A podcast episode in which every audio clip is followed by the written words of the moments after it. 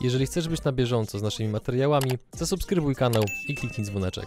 że jeżeli będziesz trzymał ręce, a wczoraj i jutro porównasz, to szykuje się świetlana przyszłość, której nie zatrzyma ci nikt. I yy, Doskonałe. było to tak żenujące, że mówię, z o czym, o czym, o, kto to jest w ogóle, prawda? Urząd Miasta wysyła mnie do Żabki, Urząd Miasta Łodzi. Idę do Żabki na ulicy Zamenhofa w Łodzi, mówię dzień dobry, w kolejce z jogurtami, ze wszystkim, że chcę zapłacić 12 zł za świadczenie. Pani mówi dobrze, ale niespecjalnie mogę przejąć to, dlatego że chroni mnie RODO z RODO, nie mogę Pana danych usłyszeć. No to ja mówię te dane po cichu na ucho, słuchajcie, jaki paradoks, no Bareja, tak? Jakub, Mider, a Pani na co głos, ale Mider przez jedno L. Yy, Były kanały typu sukces.pl, że może wszystko. Obejrzałem dwa filmiki z całym szacunkiem. Nie mogłem wszystkiego. yy, Wdrożyłem w życie te rady, natomiast yy, nawet przestałem to oglądać. Partnerami kanału są 3QQ, inwestycje w dochód pasywny z nieruchomości, Gonito, Twoja droga na Amazon, Pol Rentier, w końcu skuteczne ubezpieczenia oraz pracownia krawiecka Karola Włodarskiego Der Red. Linki do partnerów w opisie materiału.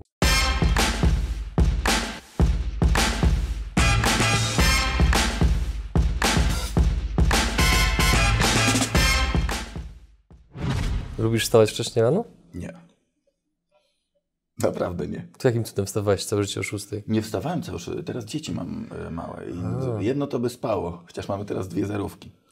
Naprawdę, na siódmą chyba 15 czy 30. Na młody wstaje o 6 siłą rzeczy, także też wstaje o 6.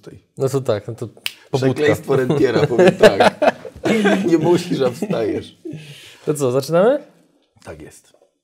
3, 2, 1, start. Jedno z Twoich dziwactw. Śpiewam. Twój lifehack numer jeden to?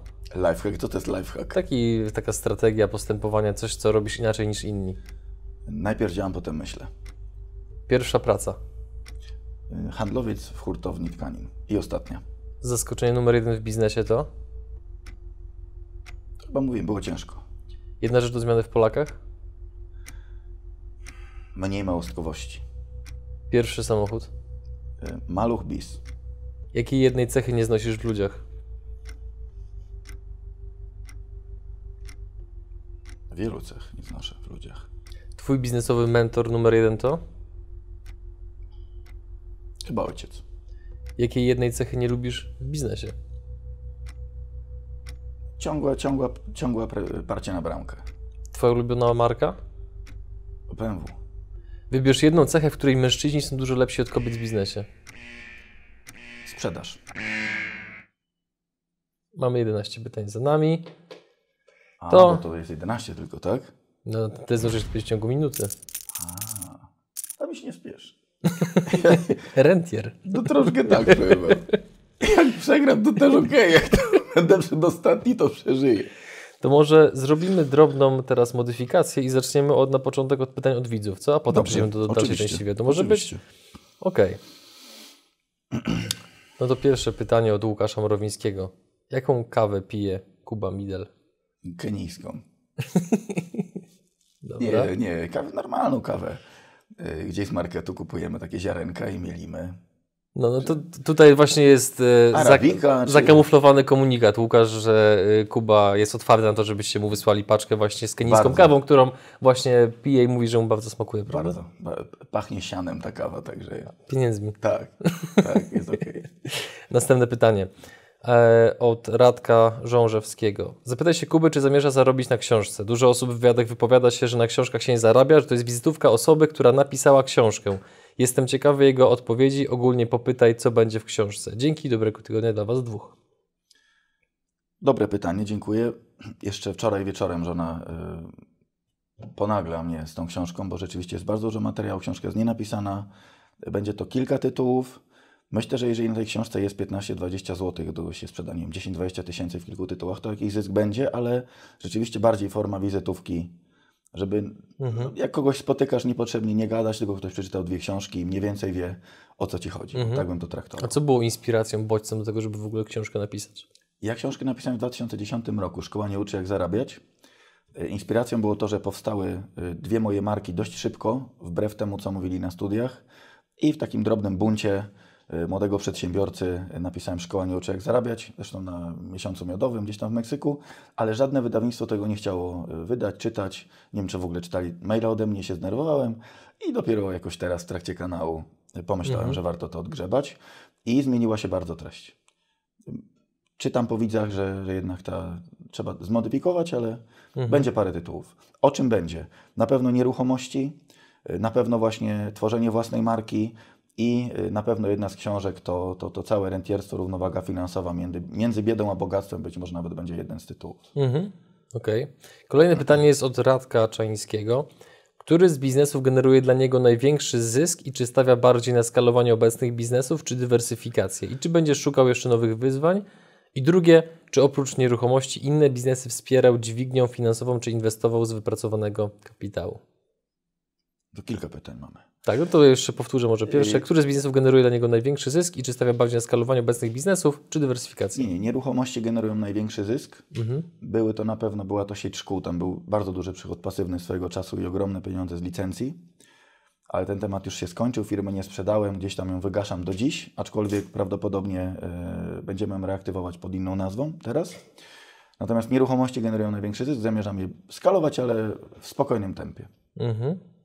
Tam jeszcze końcówka była, ale. Czy oprócz nieruchomości inne biznesy wspierał dźwignią finansową, czy inwestował z wypracowanego kapitału? Uważam, że biznes powinien być, e, rozwijać się, jeżeli można, bez jakichś tam kredytów, tylko jak kula śnieżna powinien się napędzać. Wtedy to jest sygnał, że to jest dobry biznes. Jeżeli dostajemy zastrzyk z Unii Europejskiej, albo z Urzędu Pracy, albo z banku na początku, często ten biznes nie przetrwa do kolejnej wiosny. Mhm. Dlaczego? Dlatego, że nie ma, biznes się musi obronić sam. Sama formuła biznesowa musi się bronić. Mam wrażenie, że rzeczywiście jak ktoś skaluje, robi, nie wiem, z pięciu restauracji 50, no to potrzebny jest inwestor albo kredyt. Ale jeżeli ktoś nie potrafi kawiarni pociągnąć, yy, czy otworzyć z własnych oszczędności, no być może to nie jest ten kierunek. Mhm. I to tylko moje zdanie oczywiście. Okej. Kuba Kolasiński pyta, zapytaj, czy jego biznes otarł się kiedykolwiek o bankructwo lub może zbankrutował. Jeśli tak, to jaką wyniósł z tego naukę? Jak się podniósł? Ile to trwało? No nie zbankrutowałem, ale to wynika tylko z tego, że dywersyfikowałem od zawsze. Jak zrobiłem pierwszą markę, w ogóle na pierwszym koncepcie, że mieliśmy na 50 pracowników w jednym oddziale, od razu robiłem nogę franczyzową, żeby mieć kilkadziesiąt oddziałów, więc już coś się napędzało. E, Równolegle od razu otworzyłem markę odzieżową i równolegle od razu nieruchomości, więc jak gdyby to jest taki statek, uważam, na kilku filarach, który sobie gdzieś tam idzie. E, Natomiast no, były dwa zakręty. Pierwsze to jest to, jak e, ta sieć przestała się rozwijać, nie wiedziałem, co z tym zrobić. E, To był ten etap wygaszania. E, Drugi bardzo potężny zakręt w firmie odzieżowej, jak za dużo szyliśmy, za dużo sprzedawaliśmy, a nie było wpływów z powrotem, bo były długie terminy płatności, trzeba było płacić VAT, podatki od niezapłaconych faktur, no to to było ciężko, bo musiałem brać no, kredyty na to, żeby finansować po pierwsze klientów, po drugie podatki. I to takie się zrobiło dziwna sprawa, że księgowo były świetne wyniki, a konto było puste. I to była bardzo czerwona lampka dla mnie, dlaczego mają nieruchomości utrzymywać niepłacących klientów w firmie odzieżowej Mhm. i tak dalej. Natomiast no, no nie było nawet jakie, jak gdyby symptomów bankructwa, ale to też dlatego, że firma nie była zbyt duża. Jakbym nie przehamował produkcji, to byłoby, no więc może taka rada, żeby y, nie czuć, nie poczuć takiego stanu nieśmiertelności. Tego mnie trochę sport nauczył, że, że jednak y, trzeba to ryzyko szacować. I ostatnie pytanie od Kamili Glazik. Jak sporządza umowy, a może czy ktoś za niego je sporządza, czy ma reprezentację z zewnątrz, czy zajmuje się także prawną obsługą swojej firmy? Ja mam bardzo małą firmę, także no, umowę z pracownikiem no to, to jest umowa najprostsza na świecie. Umowy franczyzowe konstruowała nam y, prawniczka y, znana i to, to były takie ciężkie umowy. Umowę najmu chyba też. Na tej umowie ciągnę do dzisiaj od 10 lat. Od 10 lat tak to nie ma jakichś skomplikowanych umów. Zwykle są to faktury handlowe, prawda, na dostawę. To przechodząc teraz już do zasadniczej części wywiadu. Osiągnięcia biznesowe, które masz, oczywiście z racji tego, że jesteś trochę skromną osobą, to pewnie za chwilę powiesz, że nie, nie, nie, bez przesady, dobra, miejmy już to za sobą. Powiedziałeś to, w cudzysłowie. Masz ponad przeciętne osiągnięcia biznesowe. Patrząc wstecz, co czujesz, co myślisz o tym wszystkim, co się zadziało?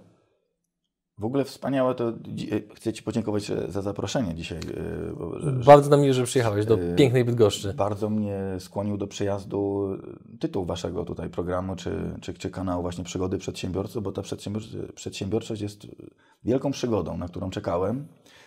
E, skończyłem, czy chciałem skończyć ku temu dobrą uczelnię ekonomiczną. E, sporo się uczyłem, żeby być przedsiębiorcą. Podglądałem ojca, który przedsiębiorczością mnie bardzo zaraził. Natomiast ta przedsiębiorczość w praktyce jest bardzo dużym rozczarowaniem. I jak dzisiaj sobie tak mogę retrospektywnie spojrzeć na swoją karierę, to y, bardzo szybko doszedłem do, do tych swoich celów, szczytów i tak dalej. E, to był na pewno problem w tej mojej całej karierze, że gdyby to było może troszeczkę wolniej, ale akurat tak los chciał, że te dwie marki się udały i to wbrew opinii ludzi, wbrew temu, że nie miałem pieniędzy i tak dalej, i tak dalej.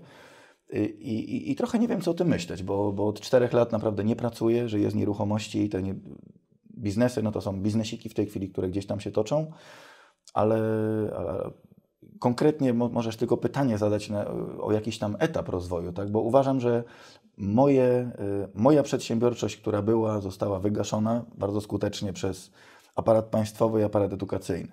Jeżeli nie masz z kim pracować jeżeli podlegasz ciągłym karom, e, ściąganiom z konta, komornikom, jeżeli wiele podmiotów jest Ci winnych pieniądze za towar, który im rzeczywiście sprzedałeś i nie ma żadnego organu, który, który może Ci pomóc, czujesz się troszeczkę samotny.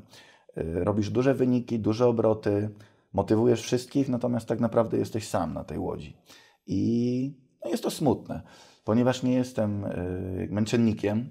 Nie chciałem się tego na pewno robić całe życie. Też widziałem ojca, który stracił w firmie 30 czy 35 lat swojego życia, mimo dużych sukcesów obrotowych. Niewiele z tego wyniknę, wyniknęło i, i nie chciałem tak żyć. Y, no i dlatego tą karierę, gdyby nachapałem się ile można na dwóch markach handlowych i postanowiłem żyć, żyć szczęśliwie.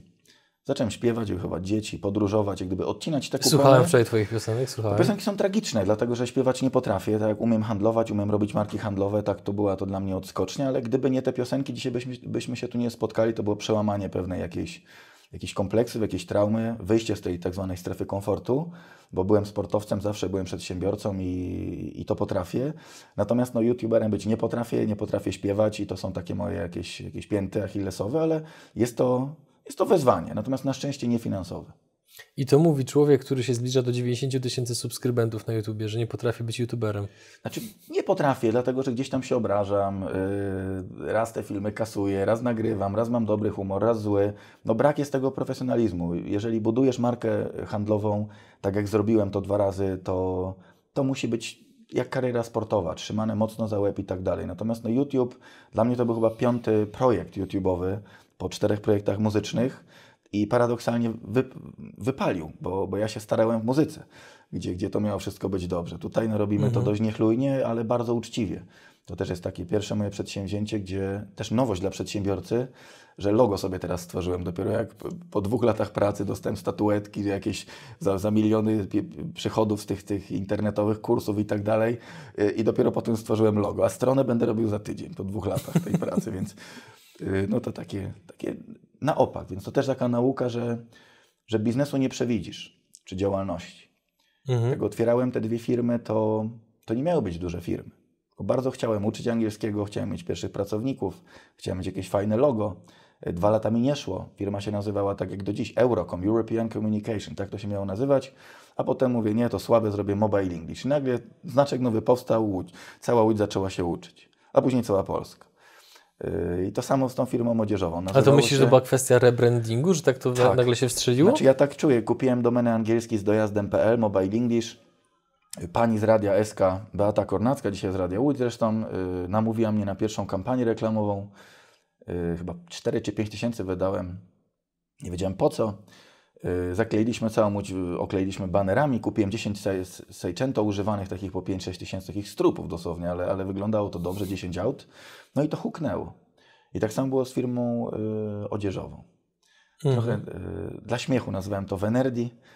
Piątek, żeby udowodnić, że markę zrobię ze wszystkiego i uszyłem pierwsze skarpetki, jakieś tam kąpielówki. Jeszcze pierwszy magazyn mieliśmy w takim wynajmowanym mieszkaniu na poddaszu w starym domu kolegi. W sześć osób mieszkaliśmy z żoną i kolegami na, na łódzkim Julianowie. Później ten dom zburzyli, zbudowali nowy, ale tam był mój pierwszy magazyn i siedziba Mobile English. I tam mówią, że, że miałem tatę przedsiębiorcę, że on wszystko sponsorował. No jest dużo w tym, znaczy nie ma w tym żadnej prawdy, bo tą firmę zrobiłem od pierwszego długopisu jedną, od pierwszych kąpielówek drugą. I to jest mój największy sukces, że wbrew rodzinie, wbrew uczelni, wbrew wszystkim No właśnie, to zrobiłem. i o to chciałbym się trochę więcej I pod... to, Tu młodziakom mogę powiedzieć, że, że można.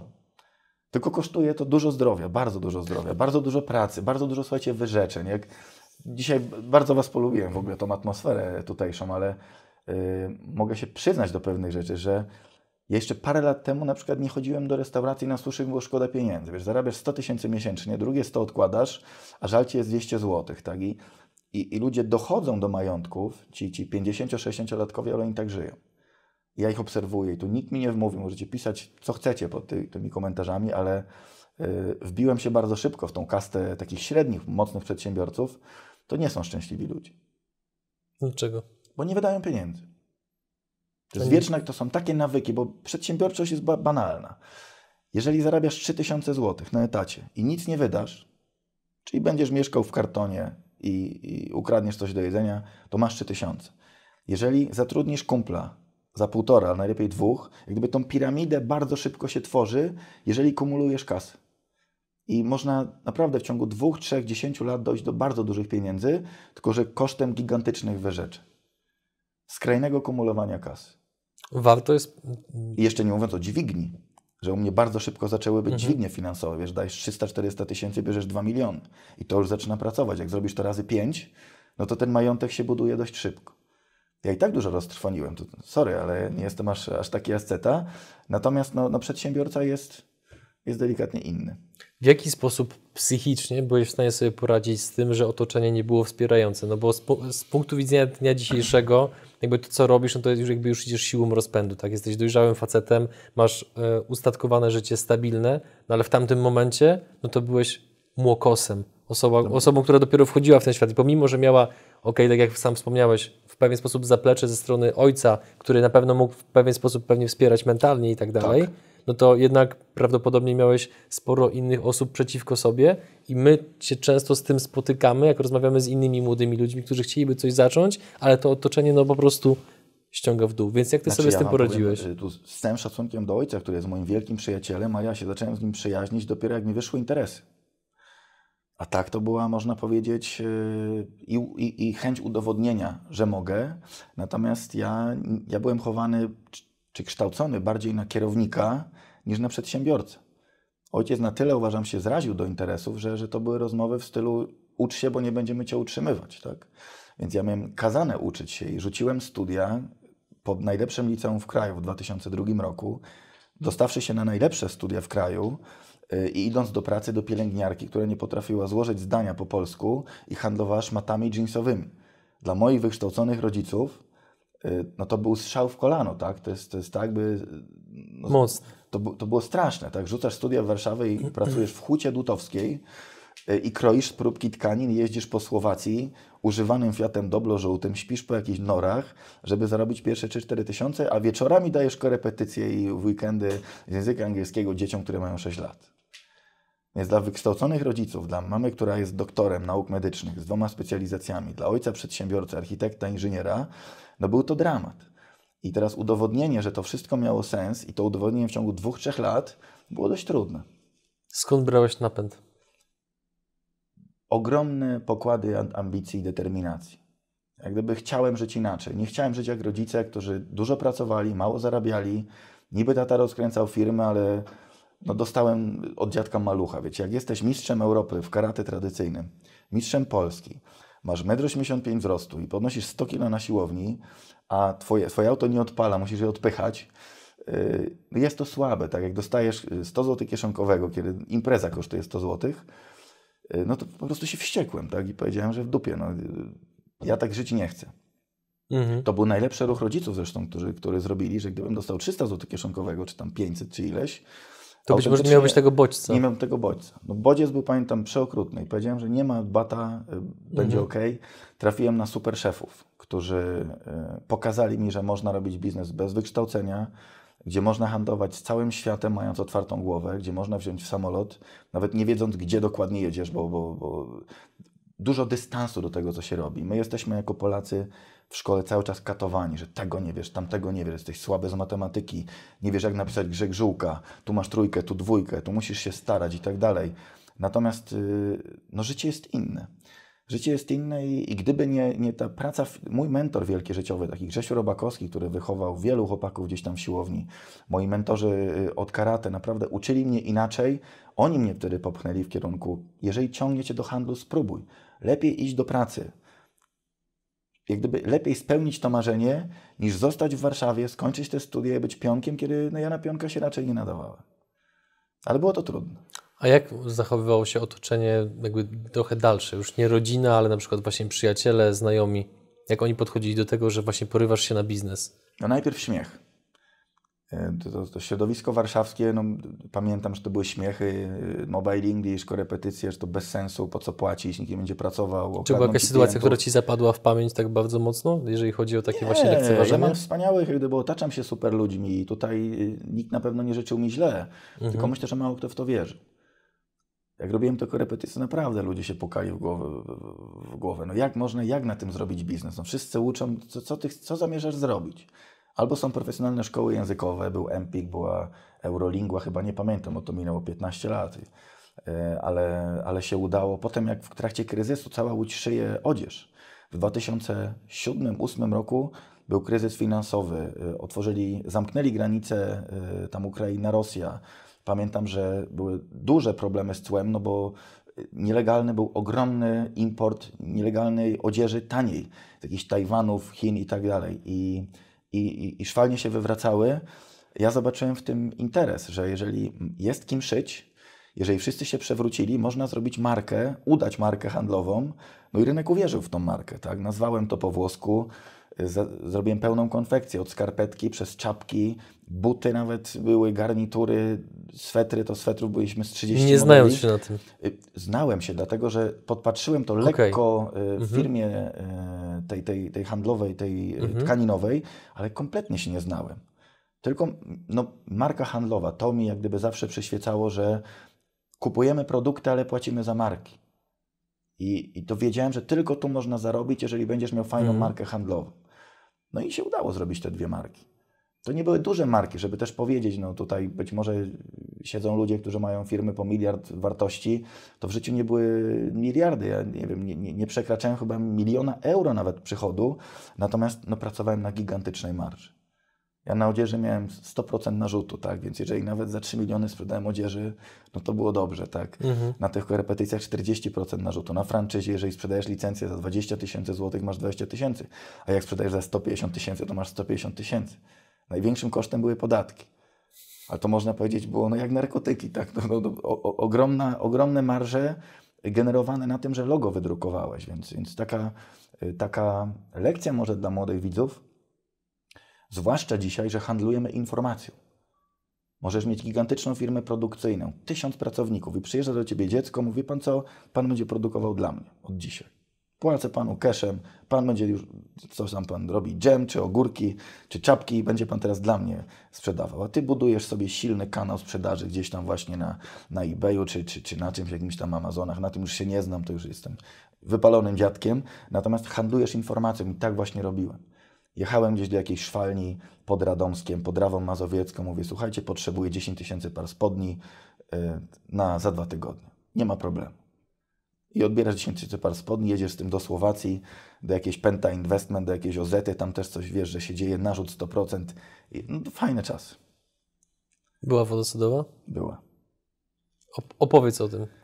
Woda sodowa y, przedsiębiorcy, bo to nie była woda sodowa utracjuszostwa, bo, bo jestem wychowany w takiej rodzinie, że te pieniądze się szanuje, bo ich za dużo nie było. I, i mhm. rodzice się dorabiali, dorabiają się, można powiedzieć, do dzisiaj, bo, bo no nie, niestety nie mamy za dużego majątku, co też jest y, problemem, uważam. Po, po tylu latach pracy rodziców i dziadków, że tak naprawdę oprócz paru nieruchomości, no, no, no, no, no niewiele jest zgromadzone. Y, natomiast i, i, nie było tej wody sodowej, że, że były drogie samochody. Dom jedynie sobie kupiłem fajny. Natomiast woda sodowa polegała na tym, że uwierzyłem w tą ala nieśmiertelność, że jeżeli możesz mieć 50 oddziałów firmy, to możesz mieć 100 oddziałów, a jak możesz mieć 100, to możesz mieć 200 i bardzo dużo pieniędzy przetraciłem na markę, a okazało się, że bardzo trudno utrzymać jakość, jeżeli obniżasz cenę, chcąc zdobyć coraz więcej klientów. No bo wydajesz i na reklamę, i na pracownika, i obniżasz cenę, i na materiały, i na siedziby, i na samochody, i na ludzi. I, i to też nie były wielkie pieniądze, ale, ale myślę, że tak samo działa mała firma i duża firma, że kupę przetraciłem na infrastrukturę i na reklamę. Takie podsycanie cały czas y, ognia, które ma się palić. W którym momencie przyszło otrzeźwienie? Y, jak trzy razy skończyłem w karetce, czyli nie wytrzymał organizm, tak?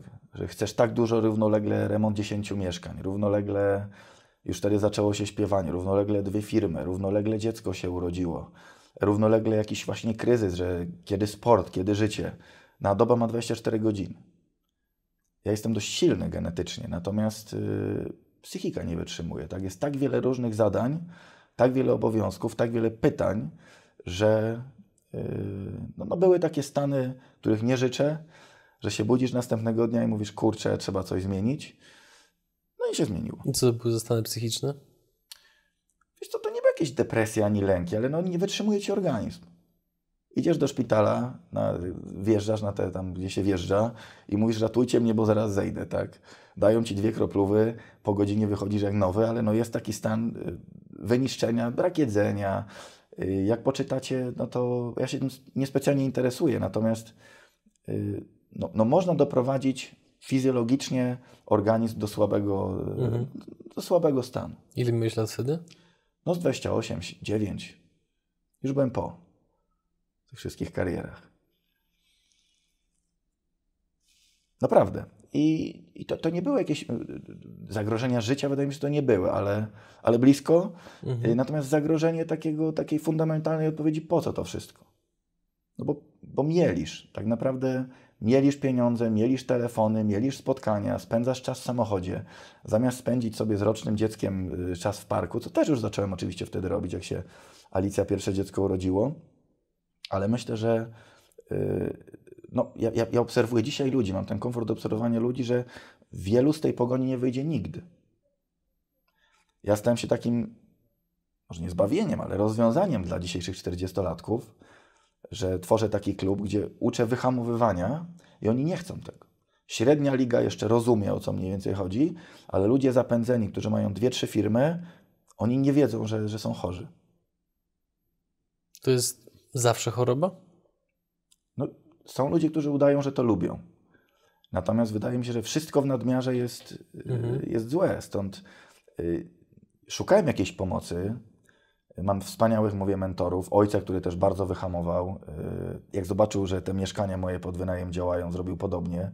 Spieniężył, co miał spieniężyć, zaczął żyć dobrze, więc to było fajne, że, że tata wyhamował. Wielu moich mentorów zawsze uczyło mnie, że wydajność z hektara, mówię tu głównie o sportowcach, że jeżeli masz dwóch pracowników i dwudziestu, to nie będziesz zarabiał 10 razy więcej. Tylko ta wydajność z każdym pracownikiem, z każdym nowym biurem, z każdym klientem, klientem będzie coraz mniejsza. No ale musiałem swoją pracę domową, swoje 10 lat stracić, żeby to, żeby to zrozumieć. Mhm. Bo tu jest żadnej wiedzy. Kupę ludzi jest mądrzejszych. Kupę ludzi potrafi zarobić 50 tysięcy i być ultra szczęśliwych. Kupę ludzi zarabia 100 tysięcy, 200 tysięcy i jest nieszczęśliwa. Teraz byłem w Bieszczadach z moją grupą tych, tych, tych aktywnych rentierów. Tam dwa trzy piwka wypiliśmy, zachód słońca, Bieszczady, piękny ośrodek i szczera rozmowa. No i ktoś rzucił, panowie, hasło, kto jest y, od 1 do 10 skala szczęśliwości. I na piątkę ocenili się najbogatsi z nas. I tam widziałem takie tiki, że ktoś, ru, ru, i to widać, że ktoś jest z nami ciałem, ale głową już myśli. Już poniedziałek, jutro muszę zrobić to, muszę zrobić tamto. A ludzie najszczęśliwsi naprawdę lachę kładą, mają 20-30 tysięcy i są cały czas na wycieczkach. To jest może w kontrze do tego, czego uczycie, że przedsiębiorczość, bądź, naj- bądź najlepszy, szkoła amerykańska, sky's the limit, jesteś zwycięzcą. Natomiast yy, to tak nie działa. A wracając jeszcze do tego okresu, o którym mówiłeś, że tam zdrowotnie nie wytrzymałeś, no to mówiłeś, że działo się wiele rzeczy równolegle. No to właśnie jak to się ma do takiej powiedzmy filozofii, która akurat mi jest powiedzmy bardzo bliska, czyli żeby być skupionym jak laser na jednej rzeczy. Ty mówisz, że ich było no, w jednym momencie kilka. Każdy ma inną psychę. Ja nie potrafię się skupić jak laser. Jeżeli potrafisz, y, myślę, że to jest też, y, dlatego ja nie jestem milionerem, miliarderem, jestem zwykłym przedsiębiorcą, teraz już można powiedzieć rentierem czy półrentierem, ale myślę, że warto się skupić, tylko że skupienie się jest ogromnym ryzykiem. Dlaczego? No bo jeżeli biznes jeden się przewróci, to albo sobie strzelasz w łeb, albo idziesz pod most. No bo angażujesz się 30 lat w przedsięwzięcia, nie ma przedsięwzięć e, e, wiecznych. Zobaczcie sobie wyniki Coca-Coli, co się dzieje z Coca-Colą. Tego nikt nie chce pić. Tam jest z roku na rok coraz mniej sprzedaży. Już nie można bardziej wmawiać nam, żeby pić Coca-Colę. To jest moloch. Ja nie wiem, jak będzie, ale sądzę, że te marki, y, czy McDonald's, tak, no, w dobie tego, co się dzieje dzisiaj, y, ja nie wiem, czy McDonald's będzie, y, czy, czy, czy będzie istniał za 50 lat. I teraz to są potęgi, koncerny, oni sobie, można powiedzieć, kupują przyszłość.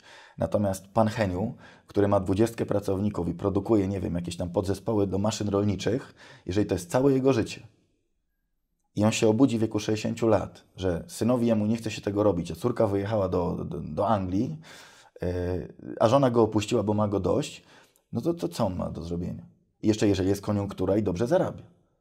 A jeżeli przestaje zarabiać, to, to, czyli od samego początku, kiedy rozwijałeś biznes, to, biznes, to ci przyświecała jakby taka właśnie myśl, że chcesz mieć powiedzmy stać jak na, na jak największej ilości nóg, czy to wyszło trochę przy okazji? Jak wyszło przy okazji. Wyszło przy okazji, dlatego że jeżeli dobrze zarabiasz, no to mówisz sobie, ok, a co będzie, jak nie będziesz zarabiał? Zobaczcie, co się, czy zobacz, co się dzieje, jak y, tracą ludzie pracę. Mamy Polfarmę w Łodzi, to jest wielki pracodawca, o ile dobrze mówię, Aflofarm czy Polfarma, tam leki robią, czy pseudoleki w Pabienicach. I słyszałem o małżeństwie, dwójce ludzi, którzy zarabiali gigantyczne pieniądze na dobrych stanowiskach, pokupowali apartamenty, samochody i stracili pracę. I koniec przyjaciół, koniec małżeństwa, koniec wygody i to samo się dzieje z przedsiębiorcą. Przedsiębiorca się boi na zaś, mm. bo nie jest głupi, ale masz do utrzymania parę dziesiąt czy paręset osób, masz biura, masz leasingi, masz koszty, to, to zaczyna być twór, którego nie możesz specjalnie e, zatrzymać. No i kolejne pokolenie przyjeżdża do tej roboty, bo myśli, że jak jeszcze dwa pokolenia poprzychodzą, to będą mieli, spieniążą się za, spieniążą się za półtora miliarda. No obserwuję to, gdybym tego mhm. nie widział, ale no, no, no, no, widzę, jak to jest męczarnia. Mhm. To patrząc z perspektywy czasu, kiedy rozwijałeś te dwa biznesy, to zakładam, że one szły równolegle, tak? Tak. No to właśnie, jak dzieliłeś swoją uwagę? Jak to, wiesz, jak zarządzałeś tym, tym wszystkim czasowo? Wiecie, jeżeli masz dobrych ludzi, na, w centrali w mobilu były dwie, trzy osoby bardzo kumate, mnie tam nie było. Mhm. Czyli marka broniła się sama. Na pewno, kiedy odchodziłem z firmy i, i oddelegowałem te obowiązki y, zaufanym pracownikom, na pewno firma się przestała rozwijać. Mhm. Czyli to też jakaś nauka, że jeżeli nie ma tego ognia właścicielskiego, no to dlatego ludzie siedzą w robocie bogaci, bo, bo jak nie będą siedzieć, to nie będzie biznesu. Ten dyrektor pojedzie, załatwi, ale trzeba go sprawdzić. Przynajmniej w Polsce ale to sobie działało bez mojej jakiejś... Dlatego zacząłem szybko korzystać z życia w wieku 27-8 lat, ale cały czas było oparcie na inne zresztą biznesy. W odzieży oddałem to, to, to, to żonie i żona do dzisiaj sobie to szyje i, i do dziś uważa, że to się opłaca, więc jak tak uważa, to niech sobie to robi. Yy, ale delegowałem zadania i szukałem sobie też jako przedsiębiorca nowych wyzwań. Powstawały nowe marki, które już nie wyszły, bo nie było tego ognia. Chciałem pieniędzmi załatwić sprawę, czyli zrobić markę, zapłacić za kampanię, ale, ale to, to już, to już nie, powstawało. No i, i tyle. Mhm. A jakie generalnie strategie postępowania, sposób myślenia, techniki, nieważne jak zwał, tak zwał, lifehacki, to słowo, które się na samym początku pojawiło. Co takiego robisz ty inaczej niż inni wtedy czy obecnie, co powoduje, że jesteś w pewien sposób ponadprzeciętnie skuteczny? Ostatnio zrobiłem wywiad bo też jestem youtuberem, e, z moim trenerem karate, e, z Byszkiem Lipczykiem. Człowiek mnie prowadzi od 24 lat już w tej chwili. Można się z karate śmiać lub nie, bo są bardziej skuteczne e, pewnie MMA, czy nie MMA. Chłopaki są silni jak i madła i by nas tutaj dwójkę poskładali. Natomiast w karate uczyliśmy się pewnej skuteczności. I porównując dwie strategie, można powiedzieć, że jest boks, gdzie masz 12 rund po 5 minut, masz złamany nos, oko, bijesz się, jest wielkie show. Niewątpliwie ogromna wytrzymałość zawodników. Jest karate, gdzie mieliśmy półtorej minuty, żeby zawodnika dopaść, przewrócić, dobić, zapomnieć. I mam wrażenie, że gdzieś tej skuteczności, gdzieś w genach jest coś takiego, że jak szefowa mi kazała na przykład w wieku 20, 20 chyba lat miałem, jak szedłem do pracy, zbudować sieć sprzedaży w całej Europie, to kupiłem mapę, kupiłem pineski, obdzwoniłem całą Europę, kto gdzie produkuje coś z jeansu, objeździłem ich wszystkich i sprzedałem. Czyli moja strategia jest taka, że trzeba załatwić sprawę i zapomnieć. Natomiast mam wrażenie, że porównując do boksu, że wiele osób się boksuje, boksuje, dobiera rękawice, klub, mhm. zawodnika, z kim ćwiczyć, czy jest piórkowa waga, czy niepiórkowa. Y, już nie mówię, ja nie mówię o, o Mike'u Tysonie, ale, ale ci ćwiczący za dużo boksują się z samym sobą, za mało robią. Markę handlową trzeba wymyśleć, nazwać, mieć slogan, domenę, Facebooki, nie Facebooki, odrobinę PR-u, dużo sprzedaży. Dwóch, trzech, czterech handlowców, cztery auta jesteście w stanie sprzedać bardzo dużo, przeskalować bardzo dużo. I tyle. No, trzeba to posklejać i zrobić. I, no i czynnik zwany szczęściem. Że musisz, chcąc zrobić biznes, mieć albo nosa, albo szczęście, że w danej branży ci się powiedzie. Jeżeli rynek nie odpowie, to trzeba umieć zrezygnować. Wiele biznesów dlatego jest, bo, bo mama zaczęła, tata zaczął, bo jest dofinansowanie i póki to nie klapnie, to ludzie się oszukują, że to, że, że to działa. Kiedy wiedzieć, że odpuścić? No ja tak miałem z muzyką na przykład. Znaczy miałem, najpierw tak miałem z firmą ogrodniczą. Wyszła firma e, językowa, mówię, zrobię firmę Prima Garden, po pierwsze ogród, sieć ogrodników jak w Stanach, że przyjeżdża ogrodnik, kosi Ci trawę, płacisz abonamentowo 500 tysięcy złotych, masz zrobione. Do dziś tego brakuje. E, nie wyszło. Ze wspólnikiem były problemy, z marką były problemy, ze wszystkim były problemy. E, firma Andremo, firma remontowa, sieć firm remontowych, to samo chciałem. Do dziś nie ma standaryzacji w remoncie. No to prawda. Jedna to jest wielka, wolna. Amerykanka, mówię, zrobię coś takiego. Fiasko, nie udało się, rynek nie odpowiedział. Muzykę zrobiłem A najlepiej. po czym wiesz, że rynek nie odpowiada? Wiesz co, no, inwestujesz w reklamę, Mhm. inwestujesz w PR, gdzieś pojawia się informacja, y, mówisz znajomym, wysyłasz tysiąc SMS-ów, tak? Nikt nie chce tego. No to jest znak, Mhm. że jest to kicha. W Mobile English było tak, że ja będąc na studiach dawałem ogłoszenie w graty za 30 zł i zarabiałem dziesiątki tysięcy złotych. Autentycznie. Tu koledzy mogą ze, ze SGH-u dałem ogłoszenie franczyzowe, że otwieram, y, szukam franczyzobiorców na markę Mobile English, to nie miałem biura, nie miałem mieszkania, to w domu rodziców sprzedawałem pierwsze licencje i ludzie mieli w nosie, gdzie to jest sprzedawane. Tylko panie, daj pan tą licencję, te naklejki, my wracamy, to robimy. I to była odpowiedź. Jak robiłem odzież, pierwsze sweterki, kąpielówki, czapki, wziąłem jakieś stare Punto, czy tam Ducato, czy coś, pojechałem w Polskę, każdy sklep brał ode mnie towaru za 50 tysięcy. To był sygnał. Zrobiłem taki film dla młodych ludzi właśnie, e, jak znaleźć pomysł na biznes. Jak macie kawał mięcha, to trzeba odciąć kawałek i wrzucić go na ruszt. Spróbować, czy ktoś to chce kupić, jak to smakuje. Tak, no, metoda prób i błędów. Kupę ludzi myśli o, o takim biznesplanie, gdzie, gdzie jest ta krowa, która ma ten kawałek steku, który się sprzeda za 100 milionów dolarów. Bo dwóm ludziom się udało. To tak nie działa. Rynek jest tak rozproszony, że to mięsko jest wszędzie, tylko no tak, żeby, żeby kości na przykład nie grillować, bo tych kości się nie sprzeda. I wydaje mi się, że wielką sztuką jest to, to mówienie coachingowe, że nigdy się nie poddawaj, że zawsze można. Y, To jest krzywda dla ludzi, dlatego że nie ma, nie jesteśmy w szkole uczeni przedsiębiorczości. Ludzie nie mają pojęcia o, o, o, o przedsiębiorczości, nie mają pojęcia o, o zarabianiu. Nikt nie chce im powiedzieć prawdy. Cały coaching żyje z naiwności ludzi. Teraz wszedłem w świat nieruchomości, tak wszyscy flipują. Przyjeżdża tysiąc osób, wszyscy flipują. Ja mówię, ja jestem w nieruchomościach od 10 lat, mam 15 baniek w nieruchomościach, nawet nie wiedziałem, co to jest flip. A tu cała Polska flipuje. Prawda? I pytam tych ludzi, czy ty coś sflipowałeś? No jeszcze nie, ale już trzeci rok się szkole. Dokształcam się we flipowaniu. Mówię, czy tu się kształcić? No, kupujesz mieszkanie za stówę, wkładasz 20, sprzedajesz za 150, koniec szkolenia, tak? A oni się szkolą, czy lepiej klamkę zostawić, czy panel w lewo, czy w prawo, czy kredyt 3,40, czy kredyt 4,80, czy za gotówkę, czy, za, czy, czy na kredyt, tak? I, i, I jeżeli takie są podstawy polskiej przedsiębiorczości, no taka jest polska przedsiębiorczość. Dlatego nie ma przedsiębiorców. Dlatego wszyscy idą do roboty. I zresztą bardzo dobrze, bo jest wygodniej. Przejmą rynek korporacje. Zobaczycie, że y, jeżeli systemowi państwowemu nie zależy na przedsiębiorczości i na przedsiębiorcach, jeżeli systemowi edukacyjnemu nie zależy na Tu Ci przedsiębiorcach, przerwę. Dlaczego właśnie systemu, systemowi państwowemu nie zależy na przedsiębiorcach według Ciebie? bo to No są małe podatki. Koncern zapłaci, podobno z dochodowego nie ma nic, bo się przejada. Jak poczytasz o podatku dochodowym, to jest, to jest bardziej podobno sprawdzenie, ile zarabiasz w danym roku, niż to, że zapłacisz nam marne 19%. To jest po pierwsze, bo państwo żyje z VAT-u i bardzo dobrze, i to dociska, i, i, i niech dociska. Ale, ale czy zależy na przedsiębiorczości? Jeżeli ja nie mogę dobudować garażu, kupiłem działkę na 52 domy, nie mogę tego zrobić, a w Łodzi powstało 200 biedronek. No to gdzie zależy komuś na przedsiębiorczości? Jeżeli ZUS-u masz mieć 1,5 tysiąca złotych, jeżeli twój pierwszy pracownik ma kosztować cię 4 tysiące złotych, czy 5 brutto, z biurem samochodem 8, no to, to o czym mówimy?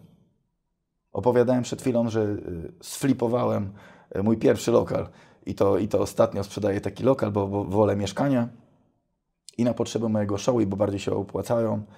E, słuchajcie, żeby kupił przedsiębiorca od drugiego lokal, dwa i pół miesiąca barujemy się z notariuszem, z miastem i z kredytem.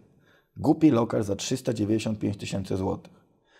Umowa przedstępna, szereg dokumentów ze spółdzielni o niezaleganiu, z ZUS-u, z RUS-u, do banku, spowiadanie się. Kto brał kredyt, to wie, ile dokumentów potrzeba, tylko nie wiedziałem, bo ja nigdy nic nie sprzedawałem, że ja muszę też tyle y, chodzić. Gdybym wiedział, to bym nie sprzedał tego lokalu, bo szkoda prądu. Ale zrobiłem. I wczoraj dosłownie umowa warunkowa, czyli przedstępna, potem warunkowa, czy miasto tego nie odkupi. Wiadomo, że nie odkupi, ale miesiąc czasu jest wstrzymana transakcja, no bo jest wstrzymana, bo to będzie leżało. Poszedłem do Urzędu, Miasta o, do Urzędu Miasta o zaświadczenie o tym, że nikt nie jest zameldowany i nie mieszka w tym lokalu. Trzeba mieć dowód, ok. Musiałem wrócić do domu po akt notarialny sprzed 11 lat, że ja jestem właścicielem, kiedy idę do miasta, które ma w bazie, że jestem tego właścicielem po dowodzie, ale pojechałem, wróciłem. Zap muszę zapłacić 17 zł za zaświadczenie. Nie ma problemu, wyciągać 17 zł, ale trzeba na konto i mogę zapłacić albo w banku, albo w żabce. W banku jest kolejka, więc idę do żabki, 100 czy 200 metrów. Urząd Miasta wysyła mnie do Żabki, Urząd Miasta Łodzi. Idę do Żabki na ulicy Zamenhofa w Łodzi, mówię dzień dobry, w kolejce z jogurtami, ze wszystkim, że chcę zapłacić 12 zł za świadczenie. Pani mówi dobrze, ale niespecjalnie mogę przejąć to, dlatego że chroni mnie RODO z RODO, nie mogę Pana danych usłyszeć. No to ja mówię te dane po cichu na ucho, słuchajcie, jaki paradoks, no Bareja, tak? Jakub, Midel, a Pani na co głos, ale Midel przez jedno L. Biorę to zaświadczenie, dymam z powrotem do urzędu. Słuchajcie, ten urząd no, wygląda dramatycznie, jak w kawce. Wchodzisz przy takiej pizzerii e, Incentro w Łodzi, po schodach, na górę, wszyscy obrażeni, czterech strażników. Ja chcę jedno zaświadczenie, że nikt nie mieszka w moim lokalu. Wiecie, godzina. I teraz, jeżeli to jest wspieranie przedsiębiorczości, obok jest wybudowany dworzec za 2 miliardy, trasa WZ za miliard złotych. A ja nie mogę jako zwykły przedsiębiorca sprzedać yy, lokalu, nie? To teraz handluj lokalami. Przecież wszyscy na tym skorzystali, gdyby przedsiębiorczość była bardziej promowana i gdyby nam się ułatwiało działanie. A tak, tu nie ma co promować, dlatego że to jest słabe. No masz promować ludziom. Yy, przedsiębiorczość jest bardzo trudna. Bardzo, bardzo, bardzo. Przedsiębiorczość, moi ludzie, którzy zarabiają, mówię o to aktywnych rentierach, którzy coś zarabiają, to są jednoosobowe działalności, yy, to są, słuchajcie, freelancerzy, gdzie młody człowiek zarabia 30, 40, 50 tysięcy, bo wszystko zleca na zewnątrz. A co to jest za przedsiębiorczość? To jest tak jak ja, ja mam dwójkę pracowników, pięć biznesów i dwójkę pracowników i 40 nieruchomości. Gdzie to jest przedsiębiorczość? Kiedy była przedsiębiorczość, miałem przedsiębiorczości dosyć. Do dziś nie wiadomo, czy lektor może być na umowę zlecenie, czy o dzieło, czy o pracę. Jak masz zatrudnić na lektora, który pracuje 4 godziny w miesiącu dla ciebie? Jak go zatrudnić na umowę nieśmieciową? Albo panią, która ci sprząta półtorej godziny w tygodniu. Ma mieć umowę o pracę na 1,75 etatu? To jest przedsiębiorczość? Masz mieć ZUS-u od pierwszych pracowników po półtora klocka miesięcznie, bo mówisz, chłopaki, zróbmy firmę, będziemy robić cokolwiek? Także myślę, że y, przedsiębiorczość zniknie, y, będzie bardziej samozatrudnienie. Ty mi coś, ja tobie coś, bo zawsze się przedsiębiorca uratuje i coś wymyśli, ale wydaje mi się, że y, no, duzi będą połykać mniejszych, i taka będzie przyszłość. Skończymy w korpo. Dlatego mieszkania. Bo jeżeli masz mieszkania, to ten pracownik korpo gdzieś się musi przespać i coś zapłaci.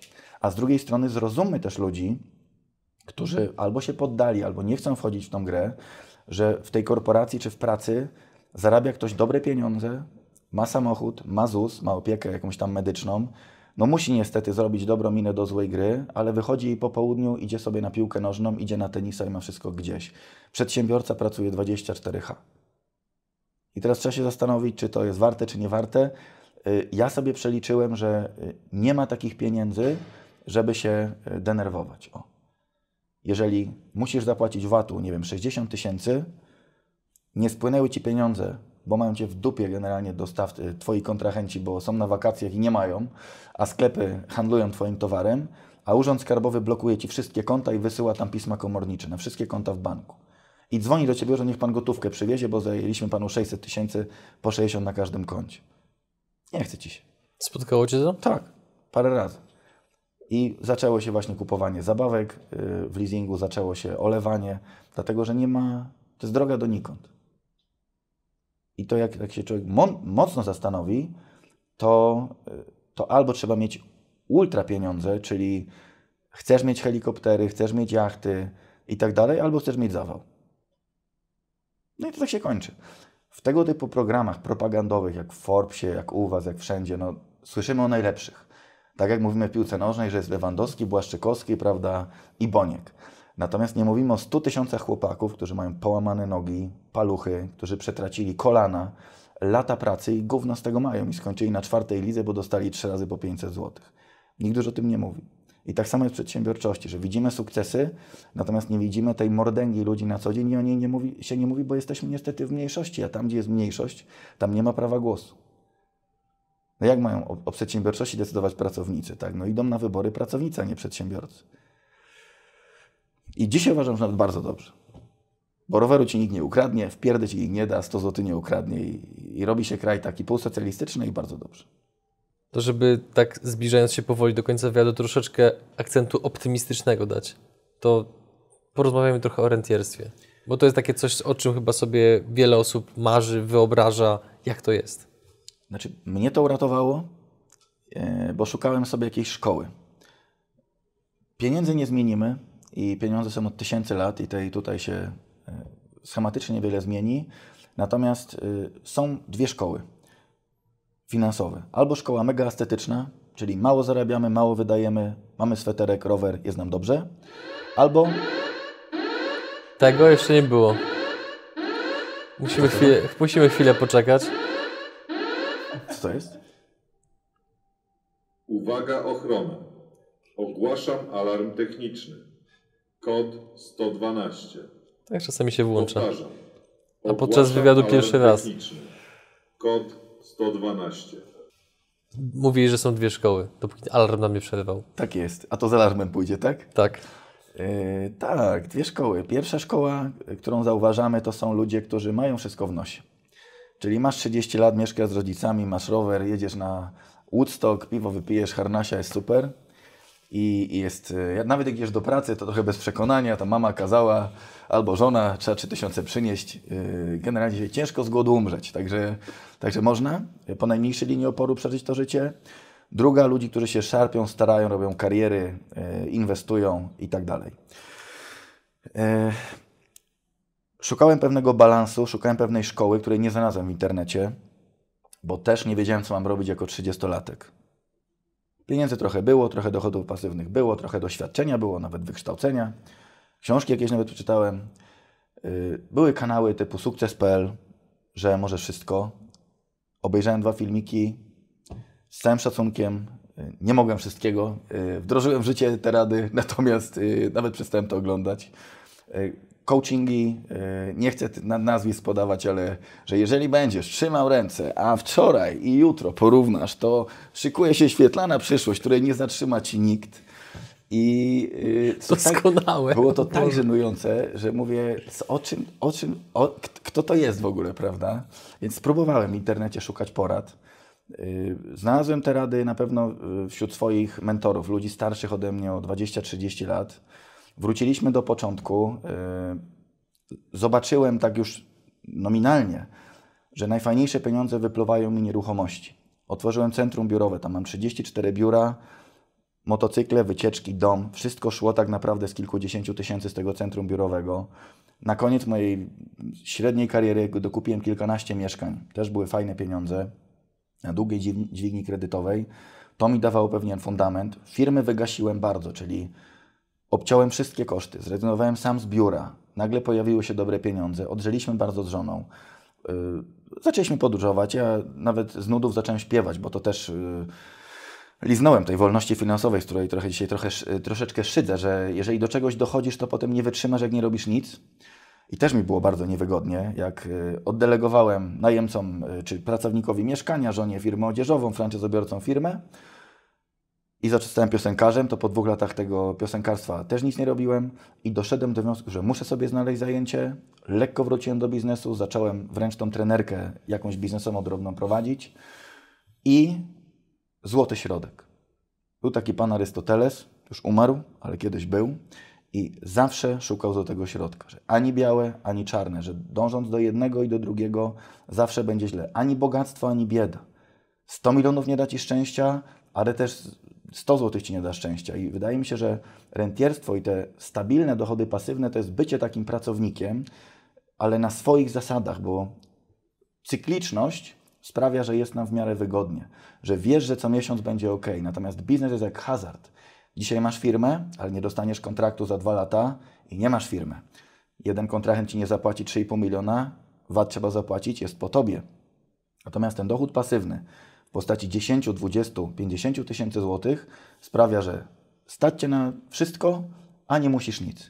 I praca zaczęła być przyjemnością. Dlatego no, dwóch lat jeszcze jak ten kanał mój ruszył, to w ogóle e, odżyłem, że ktoś chce tego słuchać. Bo też jako przedsiębiorca nie masz porównania do swoich jakichś sukcesów. Dla mnie zawsze było mało. Ja jako sportowiec byłem nauczony, że, no, że wygraj zawody, iść na kolejny trening. I, i, i, I dzisiaj dopiero wiem, że jakieś tam sukcesy zostały osiągnięte. Co więcej, widzę, że wielu ludziom mogę pomóc. To też jest fajne, bo przedsiębiorca traci kontakt z rzeczywistością bardzo szybko.